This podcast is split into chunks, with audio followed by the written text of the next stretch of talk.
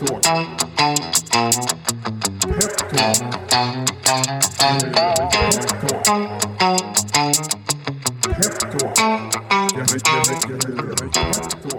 Hej och välkomna till ett nytt avsnitt av Peptalk. Dagens avsnitt leds av mig, Jakob Karlegatt och Mig, Martin N Larsson. denna gången gästas vi av Kristoffer Heibock, VD och grundare av eh, Pixmart. Välkommen till podden, Kristoffer. Tack så mycket, väldigt roligt att vara här.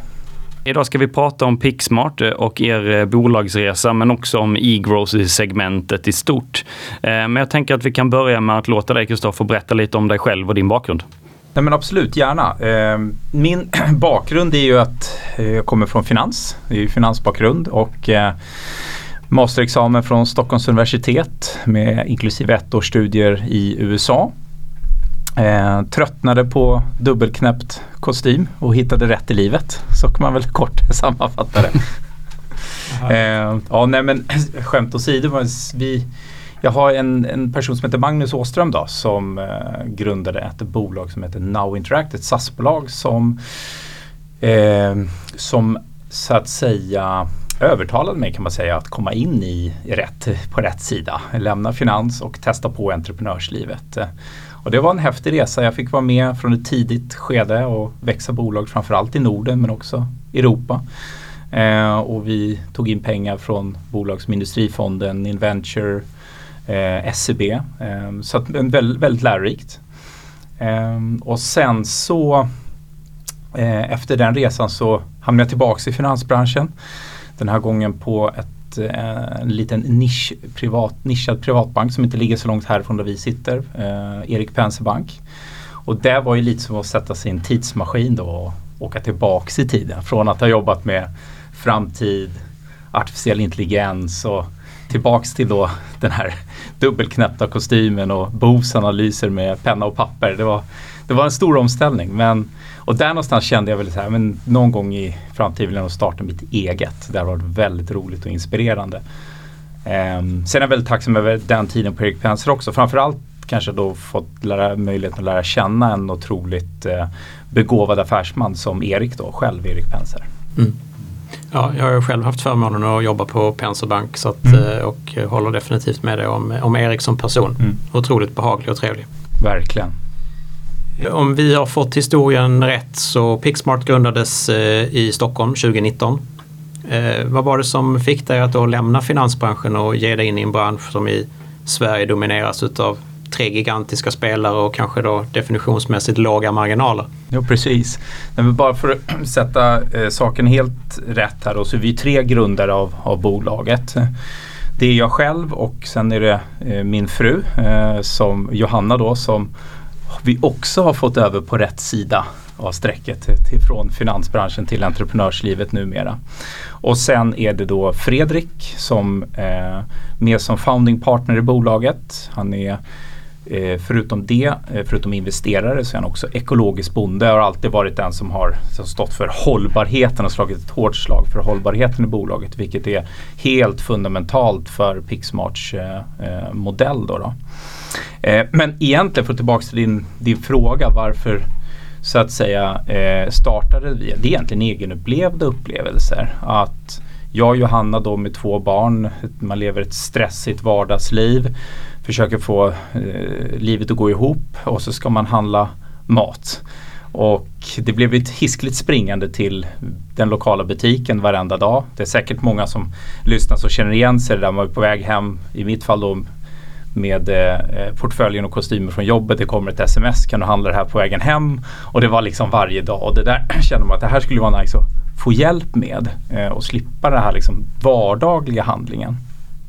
Eh, och då på den här tiden då, så, så det här är ju då ja, 2019, så fanns det ju såklart koncept hur man kunde få sin mat hemlevererat. Men det var så mycket tyckte vi som inte funkade. Så vi slutade, det slutade ändå med att vi sprang ner till vår lokala butik. Vi bor ju mitt i stan vid, vid Odenplan så det var nära till butiken. Så vi slutade ändå med att vi gjorde det. Um, det, det, eh, det var när vi, så att säga, upplevelsen var, var helt enkelt för dålig. Eh, det, var, eh, det var inte hållbart tyckte vi att en dieselbil, en stor dieselbil skulle komma från ett centrallager långt ute från, utanför staden in till oss till stan för att leverera mat. Det, det man fick planera eh, lång tid i förväg för att få maten. Det var inte personligt på något som helst sätt. Eh, och man fick eh, eh, det, det var mycket det här som inte funkade för oss och kanske också framförallt att man behövde Eh, planera eh, så långt i förväg. Det var något som vi inte som, som barnfamilj eh, ville göra utan eh, vi, ville beställa mat och så vi ville få det levererat. Eh, eh, och, och det, det, gick inte på den tiden. Så det var mycket som tyckte vi koncept som saknades här som fick oss att börja tänka på vad kan vi göra annorlunda här. Mm. Mm. Nej, och det där kan man ju verkligen som själv som småbarnsförälder relatera till även om man har någon föreställning om att man ska börja veckohandla så blir det ändå liksom att du är på din lokala Coop eller lokala ICA-butik liksom en till två gånger om dagen så är det i alla fall med, med mig. Precis. Tjänst hjälper ju konsumenter att eh, handla dagligvaror så man får dem eh, direkt till dörren. Det finns ju flera andra aktörer inom segmentet som Mathem, Ica och Foodora för att nämna några. Men hur skiljer sig liksom er modell från, från andra aktörer? Jag brukar få den där frågan lite då och då. Eh, mm. och eh, jag brukar vända på den och fråga istället så här, men, och se på vad är, vad är det för likheter med de aktörerna som finns på marknaden idag.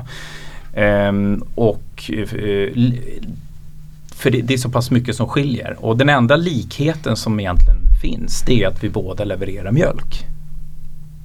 Där stannar likheterna. Allting annat skiljer sig mot de andra modellerna som finns på, på marknaden. Det, så att säga, vi lutar oss ju då på en modell som heter The Milkman Model internationellt och globalt eh, vedertagen modell.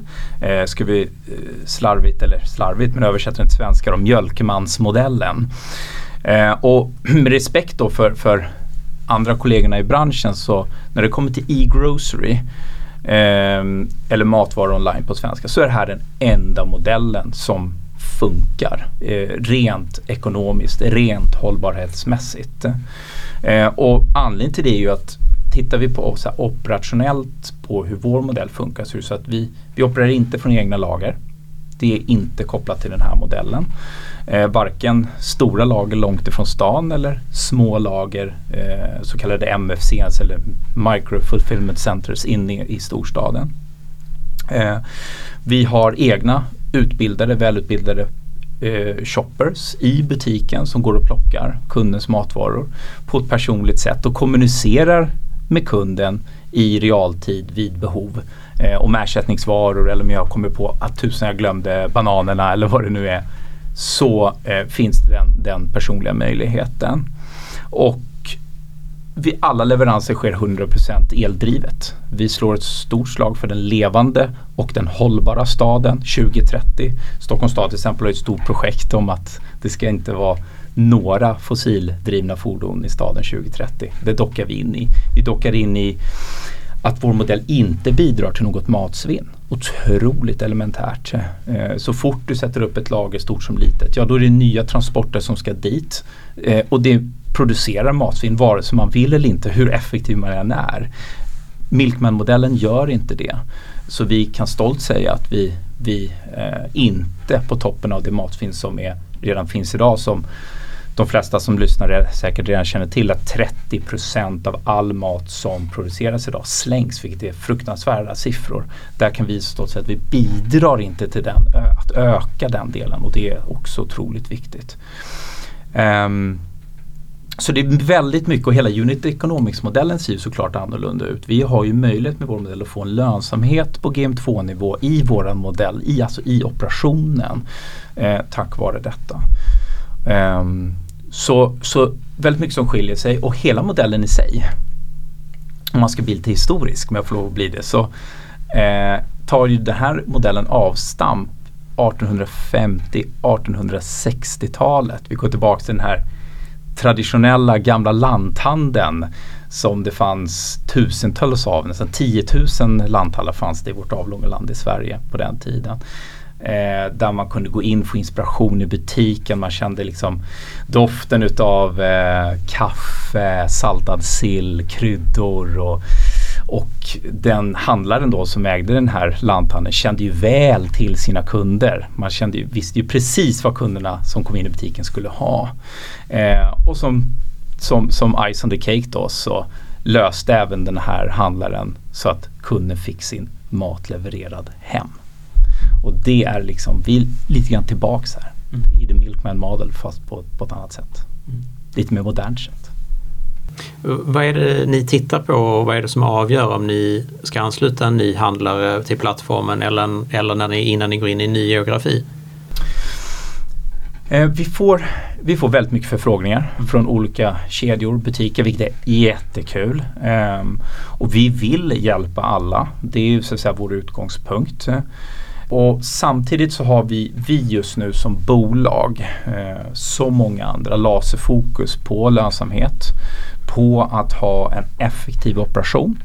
Och där ingår ju då så att säga att titta på distributionsområden som är för oss relativt stora. En ganska hög densitet av människor. Så vi, vi tittar på till exempel, eh, ja men ta till exempel Stockholm här så har ju vi Stockholm city innanför tullarna är för oss då från början först och främst indelat i två områden. Det är Stockholm city, Stockholm söder. Sen är de områdena i sig indelade i flera olika zoner där man har då beroende på var man bor så kan man få sin leverans med en viss utsatt tid. Eh, och det täcks av två partnerbutiker som vi har väldigt tätt samarbete med. Eh, och det ger oss en så att säga, effektiv operation, logistik eh, och såklart då det här samarbetet som vi har med de här butikerna är helt liksom avgörande för, för vår modell. Så där lägger sig jag personligen och även teamet ner väldigt mycket kraft att det ska fungera på ett väldigt bra sätt både, både fysiskt och tekniskt och digitalt. Mm. Eh, jag tänker att eh, ICA har ju en egen tjänst för hemleverans men hur kommer det sig att så många ICA-handlare väljer att använda sig av Picksmart istället? Ja precis. Eh, nej men så här också att det är inte bara ICA-handlare, det är viktigt att poängtera här nu. Just det. Eh, vi kan ta det som exempel men eh, de är såklart jätteviktiga partners för oss. Eh, men vi har även samarbete med eh, ja, till exempel Axel Jonsson-koncernen, eh, bland annat Martin och Servera, Hemköp ingår ju där. Ehm, så att vi är fullständigt neutrala när det gäller den biten. Då.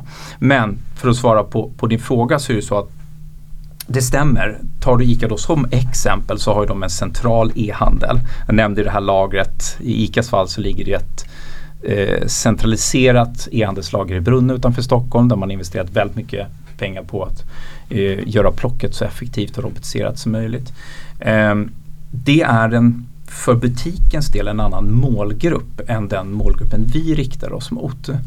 Vi riktar oss ju mot en målgrupp som kanske inte är riktigt så planerande. Man vill lägga sin beställning på, eh, på morgonen eller förmiddagen och ha den åtminstone samma dag till exempel. Man vill säkerställa att allt det som finns i butiken finns för mig att beställa. Vi så att säga har ju eh, butikens sortiment uppladdat på Pixmars olika plattformar. Så du hittar allt där.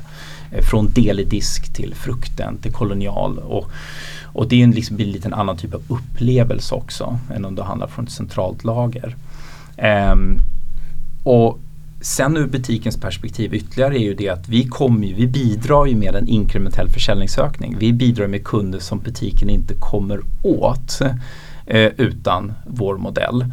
Tar du till exempel vår samarbetspartner eh, på eh, Kungsholmen så får ju då så i det här fallet Pia och Niklas kunder från Östermalm, kunder från Vasastan som man annars inte hade kommit åt, som inte hade besökt deras butik eh, om man inte hade haft eh, Pixmart. Så vi bidrar ju till att öka den försäljningen. Här ser, följer vi data hela tiden och ser vad händer när Pixmart kommer in och det vi ser är att de får en ökad försäljning på toppen och deras, om de nu har då en annan typ av e-handel, den centraliserade, den påverkas ingenting utan den bara är statisk som, som den är. Mm. mm. Är det att eh, någon från Östermalm då aktivt väljer att handla från den eh, butiken eller är det att deras liksom, om man använder appen att deras upptagningsområde även inkluderar eh, eh, delar av Östermalm. Ja, så är det mm. precis. Och det är då den här effektiva logistiken som vi pratade om då att vi, vi når även kunder relativt sett långt bort från våra butikspartners. Och det är ett plus för, det är en win-win situation både för oss eh, med en effektiv operation men också för eh, butiken som får en försäljning som de annars inte hade kommit åt. Så att, eh, och såklart en försvarsmekanism mot konkurrenten, konkurrenterna och konkurrensen också. Mm. Just det. Du nämnde Stockholm city och Stockholm södra. Men jag vet ju också om att ni är ju geografiskt bredare än så. Eh, Malmö, Precis. Höllviken tror jag att vi ja. har sett dig i. Precis. Ja. Nej, men det fina med The Milkman Model är att den kan ju fungera precis överallt. Ehm, och, och, det är så vi ser det här framåt. Nu har vi ju vårt fokus då, eh, laserfokus på då att eh, dels gräva där vi står och idag är vi verksamma i Storstockholm. Det är ju indelat då i, som jag nämnde, då, Stockholm city, vi har Stockholm norr, vi har Stockholm söder om söder och så har vi Stockholm väst. Um, och sen är det då Malmö stad med omnejd. Eh, och det stämmer, du nämnde Höllviken, det går så långt söderut där i Malmö. Så vi täcker en väldigt stor yta eh, och når väl drygt en miljon människor med, med servicen idag. Så att det är en eh, eh, det finns mycket att göra där vi, där vi redan är idag men ett naturligt nästa steg för oss är Göteborg såklart. Mm. Och sen efter det då så eh, ser vi ju på Norden. För Norden är vår hemmamarknad absolut. Och vi har redan idag förfrågningar från stora dagligvarukedjor på nordisk basis som, som vill eh, samarbeta med oss. Eh, så att eh, ja, det, det, det, blir spännande. Men det finns i plan absolut då att eh, ta konceptet utanför Sverige. Mm. Du är grundare av Pixmart tillsammans med eh, dina två grundarkollegor då också. Och ni tog in eh, en kapitalanskaffning då i storleksordningen 40 miljoner eh, under 2022. Hur ser ägarbilden ut i Pixmart idag? Grundarna är ju de största ägarna fortfarande och sen har vi då ett, kanske framförallt ett antal välkända family office-strukturer som är med som långsiktiga, stabila, eh, trygga ägare. Eh, som har följt oss sen, sen starten då eh, och varit med och stöttat i de rundorna som vi har gjort. Så det är vi otroligt glada och eh, tacksamma över att ha den ägarbilden som vi har haft. Mm. Eh, men det är huvudsakligen liksom svenska ägare? Det är huvudsak svenska och finska ägare faktiskt. Eh, och det har att göra med då att eh, en eh, av grundarna, Fredrik, är verksam i Finland. Han är finlandssvensk då, så bor och verkar i Finland. Så en hel del av vårt nätverk kommer därifrån. och sen har det faktiskt kommit till också några internationella familjer som har investerat nu senaste rundan vi gjorde här innan, innan sommaren. Mm. Mm. Och kan de investerarna ge en fingervisning om era prioriteringar när det kommer just till den geografiska expansionen framgent? Liksom att det kanske är naturligt då kanske titta lite grann på Finland eller finns kanske ingen direkt koppling där eller? Jo, absolut. Ja. Visst gör du helt rätt. Eh, det är klart att vi, naturligt, Finland är naturligt. Det är, dels är det en spännande geografi. Det, mm. det, liksom, det händer otroligt mycket om man just som, som tittar på Helsingfors som stad som har hänt de senaste 5-10 åren. Det har varit en otrolig utveckling. Och, Ehm, det, så det, är, det är väldigt kittlande på många sätt men också på grund såklart av vårt nätverk. Men sen som du säger den här europeiska eh, falangen som har kommit in. Det ger väl också en fingervisning om vad vi har i våra planer framledes. Här mm. Spännande. Alla bolagsresor har ju sina utmaningar. Vad, eh, vad har ni sprungit på liksom som ni inte såg när ni satt och skissade, ni tre grundare? Vad, vad har utmaningarna varit? Ja men som, som entreprenör eh, så känner ni ju till att man stöter på många utmaningar på, på en sån här resa. Eh, och så, det har ju vi givetvis också gjort. Men ska man nämna något sådär så jag vill säga balansen mellan lönsamhet och tillväxt. Eh, vi har ju på den här ganska korta perioden av bolagets levnadstid varit igenom två helt olika marknadsekonomier. En där pengar är helt gratis och det är fullkomligt galet på marknaden. Eh, hur mycket tillgång på kapital som helst till att allting är strypt. och den situationen vi i princip sitter i idag. Men för oss har ju den här balansen och vi har ju kastats här emellan för att det tog inte så lång tid från att vi startade igång på riktigt i början av år 2020 så kom det ju något, en liten pandemi och ställde till det. Så att vi var ju inne i vad vi tyckte en jättespännande marknad redan innan med en bara i Sverige växte vi 50-60% per år i grocery och, och eh, kände oss liksom eh, bekväma med det och så kom pandemin och så allting förändras nästan över en natt. Hur mycket volym som helst. Varenda hushåll i Sverige globalt ska helt plötsligt ha sin mat levererad hem. Och, och, så nu pratar vi liksom, eh, och det var, vi försökte i det här läget såklart att eh, eh, parera eh, och, och för, försöka hantera den stora volymefterfrågan som var så, så gott det gick.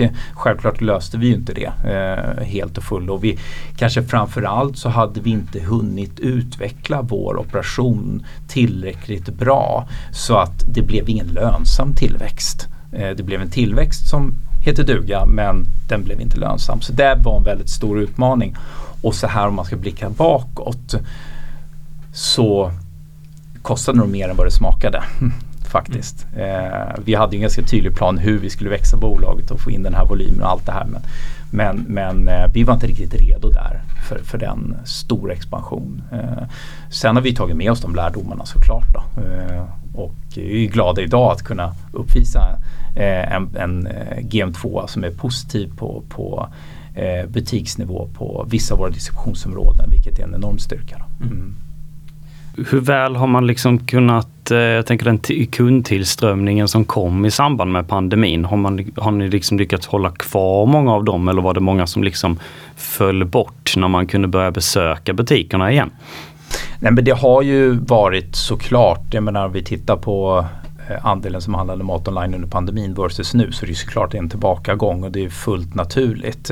Men det som däremot har skett eh, det är ju en förflyttning i kundbeteende.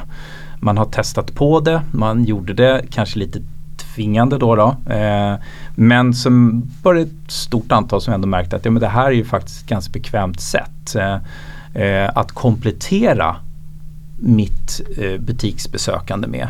Och vi som, så, alltså vi, vi samarbetar ju så tajt med våra parts. Vi, vi ser ju också att man kommer alltid att gå till butiken. Det kommer alltid vara, liksom, har jag tid och jag vill då ska jag kunna få då vill jag gå till butiken och, och få inspiration. Men det ska finnas ett väldigt, väldigt naturligt alternativ till det här. Och det har väl också liksom, pandemin varit med och pushat för att okej okay, men vill jag, orkar jag inte gå och handla idag. Jag, eh, den här listan som jag får från, från, min man eller fru då på vägen hem den, den skickar jag istället till, till Pixmart eller någon annan aktör så får de lösa det här då och sen är grejerna hemma innan jag kommer hem. Det, ja, den utvecklingen har ju faktiskt pandemin varit med och bidragit till på ett positivt sätt. Mm, det skyddar helt enkelt på det där lite. Det gör ju det. Vi har mm. flyttat oss eh, säkert 7-8 år fram i tiden snabbare än vad vi hade gjort om vi inte pandemin hade funnits. Mm. Tittar man ett par år tillbaka i tiden så fanns det ju fler aktörer på den svenska marknaden som idag inte finns kvar eh, för att verksamheten lagts ner eller konsoliderats bort. Denna utveckling går säkert att delvis förklara eh, med att det blivit svårare att resa kapital, precis som du var, var, var inne på mm. tidigare. Mm. Och att kraven liksom på lönsamhet har, har ökat från, från investerarna. Mm. Eh, vad har ni gjort annorlunda mot andra aktörer som har gjort att ni har eh, inte gått samma liksom, öde till möte möte som andra. Mm. Ja, men det, här, det här är intressant, jätteintressant frågeställning och om jag tillåts liksom ta, ta en liten omväg till svaret med det bakgrund att det, det, man, man, får komma ihåg att det har hänt först och främst att det har gått väldigt snabbt eh, utvecklingen när det kommer till e-grocery. Vi behöver inte gå så långt tillbaka i tiden. Eh, det räcker att gå tillbaka till år 2000, alltså 23 år tillbaka när det inte ens gick att handla mat på nätet då kom de första lösningarna men modemen var så dåliga, uppkopplingen var så kass att det gick inte att lägga en, en, en liten mjölk i varukorgen. Så att först 2010 började ju liksom e-grocery komma på allvar egentligen globalt och även, även här, här hemma på hemmamarknaden. Eh, tio år senare efter det, eh, 2020, ja då är det total galenskap. Nu är tekniken på plats, det finns liksom inget som hindrar en, en teknisk uppskalning. Eh, och vad händer då? Jo, då kommer eh, pandemin som en push och helt plötsligt blir det ju he, en hel galenskap. Nu är det ju en väldigt hårfin linje mellan galenskap och genialitet kan man ju säga. Då, då. Men, men venturebolag, alltså riskkapitalet hittar ju hit till en bransch man inte riktigt sett förut. Alla ska ha leverans, matleverans hem. Quick commerce-segmentet föds. Eh, MFC, Chatborn och många namn alltså. När jag säger MFC då Micro Fulfillment Center, små, små lager i innerstadsmiljö. Dark stores. Exakt, mm. dark stores. Eh, och den kanske mest, eh, om man ska nämna något exempel här så kanske Gorilla är den, den aktören eh, som, som får stå, vad ska man säga, eh, i, i rampljuset som ett exempel för vad som skedde då. då. Eh, Gorilla är ett, då ett, ett av de här quick commerce-bolagen eh, kopplat till e-grocery som föds i Berlin 2020. Eh, och eh, eh, många bolag följer ju efter, Getir, Flink eh, och andra. Eh, och vet ni förresten hur mycket pengar som Gorilla tog in under två och ett halvt år ungefär? Eh, det blir liksom en eh, kvalificerad gissning. Jag säger att det är 10 miljarder. Bra gissning. Jag gissar på 8. Ja, men ni båda är ju, det märks att ni kan era grejer. Eh, de tog in tre runder, en A, en B och en C-runda. Totalt 13 miljarder kronor på två och ett halvt år. Med såklart då fokus på att växa. och det var ju det som var i det här fallet VC-bolagens fokus och också uppgift, ex exekvering till entreprenören, väx bolaget. Mm. Öppna upp i så många länder du bara kan på så kort tid som möjligt. Och det gjorde ju entreprenören. Mm. Eh, Keegan som grundade Gorilla, men det är ju otroligt eh, inspirerande entreprenör att lyssna på och vilken resa han gjorde på så extremt kort tid. Han gjorde ju vad riskkapitalet sa. Han växte affären, så, som ingen skugga på honom. Det man glömmer här ur ett riskkapitalperspektiv vad var lönsamheten? Hur såg unit economics-modellen ut? Skulle det här någonsin kunna bli en lönsam affär? Eller vad är det vi lägger 13 miljarder på? Mm. Eh, och det, det, har inte jag riktigt fått svaret på än idag. Men jag ställer väldigt många frågor till den här liksom, eh, galenskapen av att lägga så mycket pengar på en affär som i grunden inte är lönsam. Eh. Nej, men, och där och då så handlar det ju egentligen bara om att man måste vara den som tar hela marknaden. Ja. Och jättegärna globalt. Ja. Men idag så tittar man ju såklart på det på ett helt annat sätt. Ja. Därför nu är ju tillgången till kapital helt annorlunda. Exakt. Vi ska minnas det, helt ja. rätt. Vi ska minnas det att det var en tid där kapitalet var i princip gratis och räntan var noll och minus. Så, att, så var det ju. Eh, och det, då, då, då, då sker sådana här fenomen så att säga. Nu är det här en, ett exempel som slutade ganska väl. Eh, uppköpt av Ketir och sådär. Så men det finns ju andra exempel som du var inne på som då inte har gått lika väl. Då, eh, mm. Där entreprenörerna har fått väldigt mycket pengar och helt plötsligt stryps allting och då, då, är, det, då är det stopp. Mm. Och vi landade ju aldrig i den situationen på grund utav dels vår ägarstruktur som vi redan har pratat om. Att det är långsiktighet i fokus, eh, hållbarhet i fokus. Eh, och även om det var en väldigt disruptive time även för oss eh, när vi såg allt det här hända så valde vi ändå att hålla fast stenhårt vid vår modell. Vårt partnerskap med kedjorna, med butikerna. Vi hade så pass bra samarbeten att vi kände att det här vill vi utveckla vidare. Vi tror på vår Milkman Model. Det finns om vi tittar på vår Unit Economics modell en lönsamhet i den här modellen. Eh, som det inte gör i en enhetsekonomi där vi pratar liksom single stack leveranser var tionde minut i det här fallet. Och, så vi sa, nej men vi, vi håller fast, vi håller hårt eh, i vår modell. Och det är vi ju nu väldigt glada för. Det var inte jätteenkelt då men idag är vi glada för det. Mm. Eh, om vi eh, stannar vid ämnet lite grann och vi tittar lite grann på marknaden för e-grocery i både ett europeiskt och ett globalt perspektiv. Hur, hur, skulle du säga att den ser ut och hur skiljer den sig från, från marknaden i Sverige eller Norden? Ja, men där, där skulle jag vilja säga egentligen utvecklingen. Alltså vi, eh, vi brukar ju prata om att Sverige, Norden kanske ligger efter USA 5-10 år i utvecklingen. Och det är väl ungefär samma när det kommer till e-grocery. Tittar vi på eh, till exempel då i USA i Nordamerika så har vi en aktör som heter Instacart. Grundades eh, av Aporva Meta 2012. En inspirationskälla för oss. En, också en Milkman-modell eh, som har hållit i och hållit fast vid sin modell när man jobbar med partnerbutiker. Och eh, även Porva då lämnade som vd själv som grundare. Han lämnade över till Fiji Fijisimo under 2021 eh, som värvades in från Facebook. Eh, så var ju under hennes första intervju på BBC säger hon att det viktigaste mitt uppdrag är som vd för Instacart det är att utveckla samarbete med våra butiker. Det är det som är vår modell och det kommer jag ha som överst på min, min eh, execution list.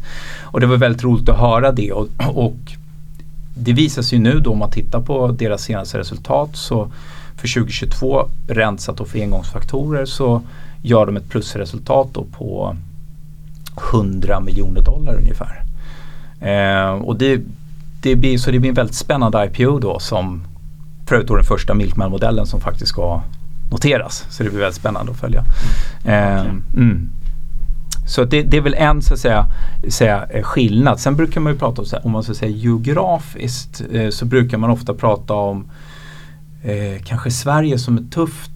Det är avlångt, det är eh, långt mellan eh, husen emellanåt, det är glesa städer. Samtidigt är det ju, det är ju där så att säga, den här Milkman-modellen kommer in som en modell som faktiskt funkar överallt i teorin och praktiken. Då, då. Mm. Och på tal om det, gå tillbaka till liksom mer geografisk expansion då. Du pratar lite grann om Göteborg och så vidare. Tittar ni någonting på de norra delarna av Sverige? Eller blir modellen svår där?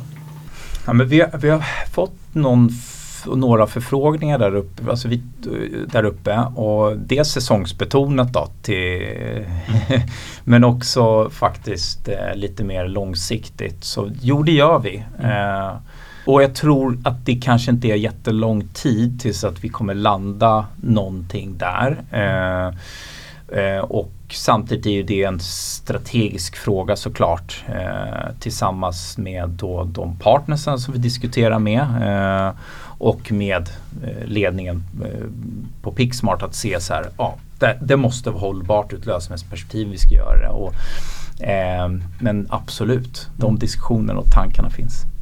Mm. Eh, om vi tittar lite på konsumentbeteendet, vad ser ni där? Alltså inte, inte minst då givet inflationen och den, eh, den ökade prismedvetenheten mm. som har kommit. Liksom. Undersökningar visar ju bland annat att man i större utsträckning köper varor med korta datum och sådär för, för helt enkelt spara pengar. Mm. Uh, men det, det, är precis, det är intressant. Vi följer det här väldigt noga och försöker liksom lära oss våra kunders beteende så, så så, så, så, bra det går såklart. Det är ju så fundamentan i vår, i vår affär. Vi, vi närmar oss ju idag en snittkasse eller average order value på nästan 1000 kronor. Eh, det här är också en styrka i vår modell eh, och vi har ju sett att snittkassen har ökat för oss. Eh, tittar vi year on year med 30 procent ungefär. Och det, det eh, rensat för inflation då. Så att det finns ju och aspekten i det här är ju att vi, vår modell lutas ju mot att du som konsument då så att säga betalar det priset som är i butiken. Och med en prismedveten konsument, eh, prismedveten kund så är det klart, man ser ju detta, man är kanske inte så sugen på att betala extra eh, för mjölken eh, och, och, det gör då att, så att säga, vår affär får en liten push då i det här. Eh, så att eh, ja, det är väl en viktig del i det här. Sen, såklart att lågprisalternativ, alltså kampanjvaror och sånt, är ju alltid attraktivt och det har ju blivit kanske något mer attraktivt. Eh, även om vi fortfarande ser att de, det vi säljer mest utav det är ju liksom frukt, det är grönt, det är även fokus på mycket på ekologiska varor och sånt. Så det är mycket de varorna som fortfarande är väldigt populära faktiskt. Mm. Mm. Om du ska blicka lite framåt, vad, vad, tror du att marknaden är på väg? Hur kommer de här tjänsterna att utvecklas och kommer den här konsolideringen som vi har sett att fortsätta eller kommer det att finnas ett eh, flertal olika aktörer?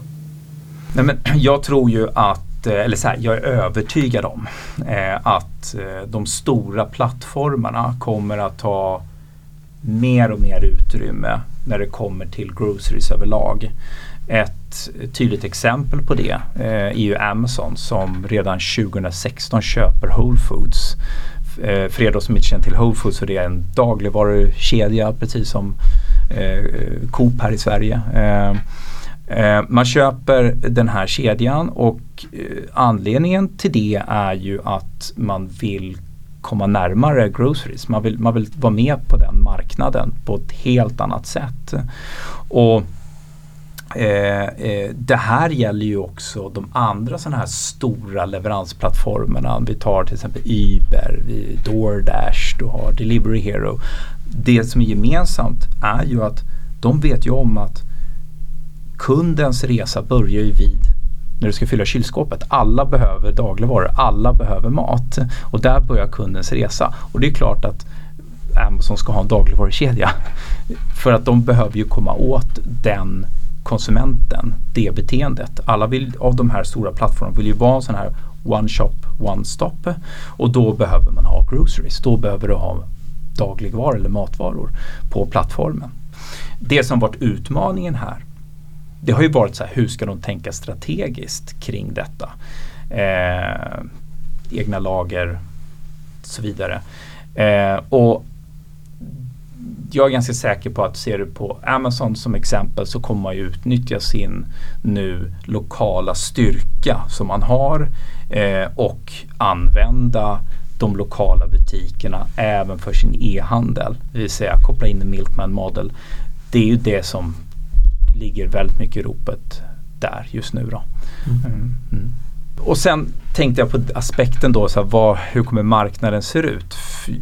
Jag är också övertygad om att det, det kommer vara en självklarhet för, för er att vardagsmaten kommer ju såklart automatiskt finnas i kylen levererad hem så här nu en, en torsdag när ni kommer hem eh, utan att ni har liksom egentligen behövt beställa det eller agera på något sätt. Eh, Pixmart eller någon annan aktör vet vad ni behöver. Det har bara skett per automatik. Där kommer vi landa och det är nog inte allt för långt bort innan vi, vi är i en sån typ av eh, miljö. Och ehm, eh, det är lite för att knyta ihop säcken då. Precis som den liksom, traditionella lanthandlaren som kände sin kund så väl som också åkte hem med, med mjölktunnan till, till kunden på vägen hem. Att det är den traditionella lanthandeln men i en viss då mer modern eh, tappning. Nej men exakt. Och där kan man väl säga, det är ju många aktörer som samverkar där. Vi ja. har liksom smarta kylskåp, vi har digitala lås på dörrarna och snart har vi autonoma förarlösa fordon också. Där har du den moderna 15 eh, minuters staden. Ja. mm. Eh, om vi tittar liksom enskilt på Pixmart, var, var befinner ni er om två år? Nej, men eh, för Pixmart del handlar det om att vidareutveckla samarbetet med de traditionella dagligvaruaktörerna. Om man ska ta den sidan av det här myntet kopplat till din fråga tidigare också så är det ju så otroligt alltså, så viktigt ur, för den traditionella dagligvarukedjan oavsett land och geografi att nu titta på hur kan vi samarbeta och öppna upp för att hänga på och hänga med. För det är inga små plattformar som jag nämnde som, som man tampas med här om kunden. Så det blir otroligt viktigt för, för eh, de här traditionella dagligvaruaktörerna att bibehålla sitt fokus, sin kärna, det vill säga vi är duktiga på butik och låta andra sköta de den andra delarna. Och det finns ju bra exempel. Min gamla eh, värld till exempel bank och finans som själv blev ganska disrupted av fintech-sidan från början. Var man kanske inte så öppen för det. Nu ser vi vad som har hänt. Man har öppnat upp, man delar data, man samarbetar på ett helt annat sätt och det har hjälpt bankvärlden otroligt mycket för att hänga med och haka på. Och detsamma måste ske inom dagligvaruhandeln. Så det här är ju någonting som som vi ser framför oss att vara en del utav att, att hjälpa, att stötta. Och det är ju så otroligt roligt med det här liksom ett plus ett blir tre förhållandet som vi är med och bidrar till. Eh, och det är det som vi alla i, i Pixmart-teamet eh, jobbar och brinner för varje dag. Ja. Kristoffer, Stort tack för att du kom och gästade Peptalk och eh, stort lycka till med att bygga Pixmart. Tack snälla för att jag fick eh, komma hit. Tack själv. Kom ihåg att investeringar i noterade och onoterade bolag innefattar risk. En aktieinvestering kan sjunka i värde och det är inte säkert att en investerare får tillbaka satsat kapital eller något kapital alls. Ingenting som sägs i denna podcasten ska anses vara rådgivning och tidigare resultat är inte en garanti för framtiden.